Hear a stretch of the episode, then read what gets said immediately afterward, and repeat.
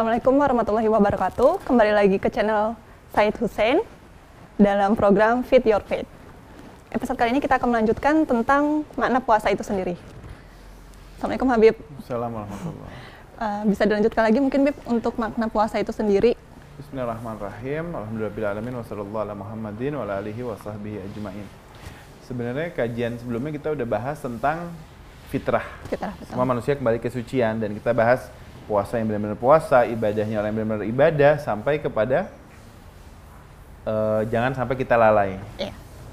Nah, di sini dikatakan oleh para irfan atau para orang tasawuf mengatakan an-nihayatu ta'udu ilal bidayah. Keakhiran itu kembali kepada permulaan. Keakhiran. Makanya kita sebut innalillah wa inna ilaihi rajiun itu kita dari Allah kembali ke Allah. Yang akhir itu kembali kepada permulaan. Nggak perlu nunggu saya fitrahnya ketika Idul Fitri tidak, tapi kita selalu harus mensucikan fitrah itu. Beruntunglah orang yang selalu mensucikan diri nafs atau fitrah itu. Jelas ya? Iya. Rasulullah bersabda, "Man shoma syahra Ramadan imanan wahtisaban." Barang siapa berpuasa di bulan Ramadan dengan iman dan ikhlas. Dengan iman, sebenarnya iman ini bukan karena terpaksa. Ya, karena perintah Allah, ya karena takut dosa, ya karena pahala atau mengharap sorga. Tidak, iman itu betul-betul karena cinta kepada Tuhan. Ini yang berat sih sebenarnya. Iya. Ya kan? Biasanya kita puasa malah cuman aduh takut karena takut Allah marah atau mengharapkan surga Allah Iya, gitu kan hanya itu doang. Jadi ber- berarti kita pahalanya karena pengen surga. Iya gitu tujuannya itu sebenarnya itu ibadah kita ini kebanyakan orang kebanyakan manusia ini perantaranya Allah Tujuannya surga. tujuannya doa dan hajat tercapai. Gayah itu sebenarnya tujuan itu Allah. Gitu. Ha- jadi apa perantaranya siapa? Rasulullah. Kita jadikan sebagai perantara kita. Jelas ya Nabi itu perantara antara eh, Khalik dengan makhluk Nabi. Ya. karena wahyu semua dari Allah melalui Rasul. Kemudian na- Allah menurunkan rahmat melalui Nabi rahmatan lil alamin dan sebagainya. Perantaranya Nabi tujuannya adalah Allah ya Allah mengasih atau tidak hajat itu nanti Allah selalu memberikan yang terbaik. Kita kebanyakan nggak perantaranya Tuhan tujuannya doa dan hajat. Maka iman iman di sini nih tingkatannya tuh banyak gitu. Awal agama adalah mengenal Allah.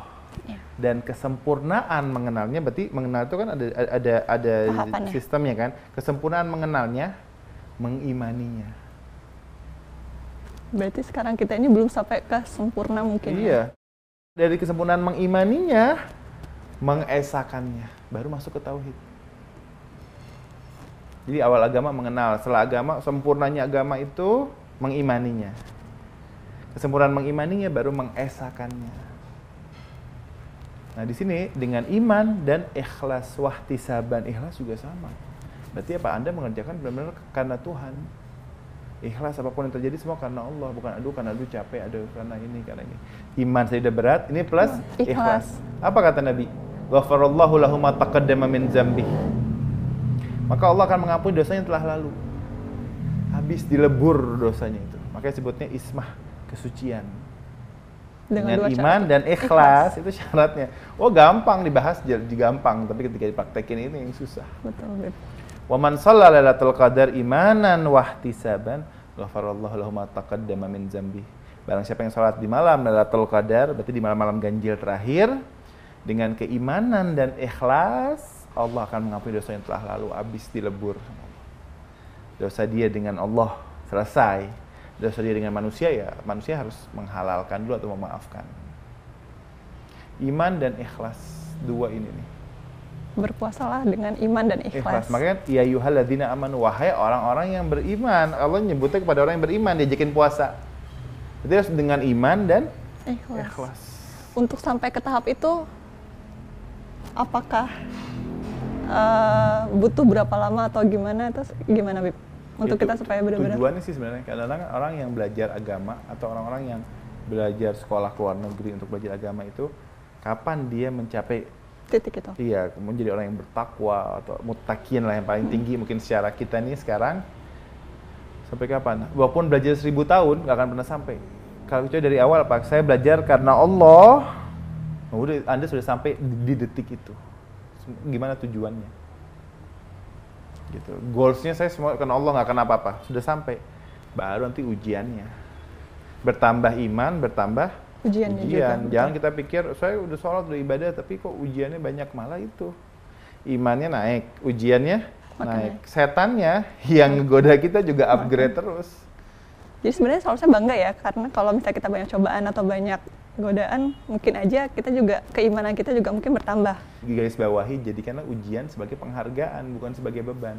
Ya. Karena Allah tidak la yukallifullahu nafsan illa wasaha. Allah tidak memberikan ujian kecuali dengan kesanggupan manusianya. Ya Allah tidak pernah zolim. Betul. Kasih ujian itu ya kita, ya yang buat SD ujiannya SD. Nggak mungkin iman yang iman yang SD. sekelas SD sama iman yang sekelas mahasiswa Allah kasih ujiannya yang buat mahasiswa dikasih ke ujian SD. Kan kita supaya upgrade kan. Gitu. Ya. Tapi nggak nggak nggak semua orang mau, mau, mau, mau seperti itu. Oh saya nggak mau diuji, orang maunya anugerah terus. Doanya pasti yang baik-baik gitu. Tapi orang harus ada ujian dan emang hidup ini Ujian. tempat ujian dari kita lahir keluar dari, dari, perut ibu sampai meninggal ya ujian. Saya eh, punya murid saya tuh ngeluh ke saya. Bib, saya nih mertua saya selalu jahatin saya gini gini gini gini cerita cerita cerita panjang lebar. Saya bilang mau nggak ujiannya dari suami? Nggak mau. Dari anak? Nggak mau. Dari penyakit?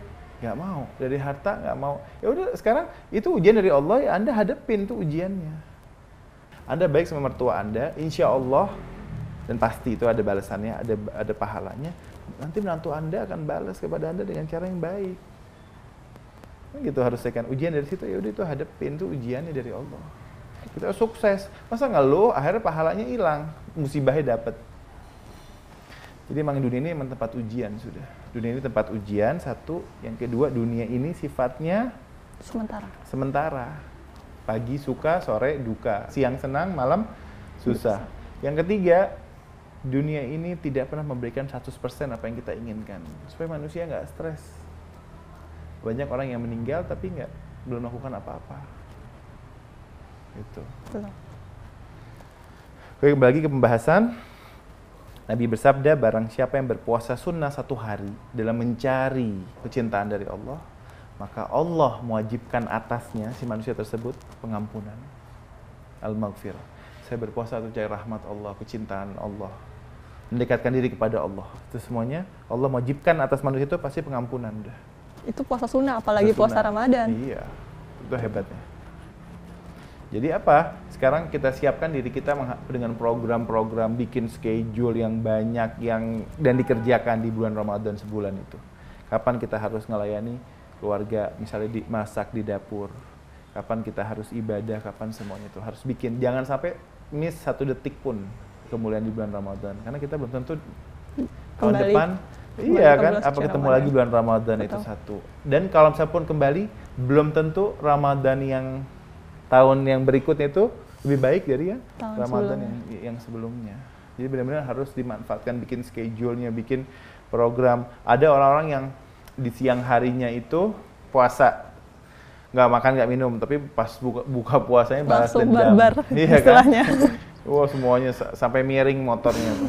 dari beratnya tuh be- be- belanjaan plastik semuanya Tapi Ya, apakah boleh seperti itu? Maaf. Ya, itu itu fikih kecil Oh, pintunya dari situ oke. dulu kita kan masuk kan secara puasa secara fikih atau syariat itu apa sih Menahan lapar. eh, lapar dan haus dari fajar sampai Matahari tengah. matahari terbenam dari subuh sampai maghrib kan gitu itu puasa secara fikih tidak menahan lapar dan menahan haus dan nafsu tapi yang diminta kan bukan itu Lebih dalam daripada Iya, itu. kita bahas maknanya jelas ya Iya. jadi apa tadi pintunya pintu puasa itu dengan cara menahan lapar dan haus di siang hari tapi kita mau upgrade nggak cuma itu saja saya pikir episode kita sampai sini dulu Terima kasih Habib atas penjelasannya. Alhamdulillahirobbilalamin. Untuk episode kali ini cukup sekian. Jangan lupa jika teman-teman ada pertanyaan silahkan tulis di kolom komentar. Jangan lupa juga untuk like, share, dan subscribe. Jangan lupa juga untuk klik tombol loncengnya. Biar kalau ada video baru masuk ke notifikasi kalian. Wassalamualaikum warahmatullahi wabarakatuh.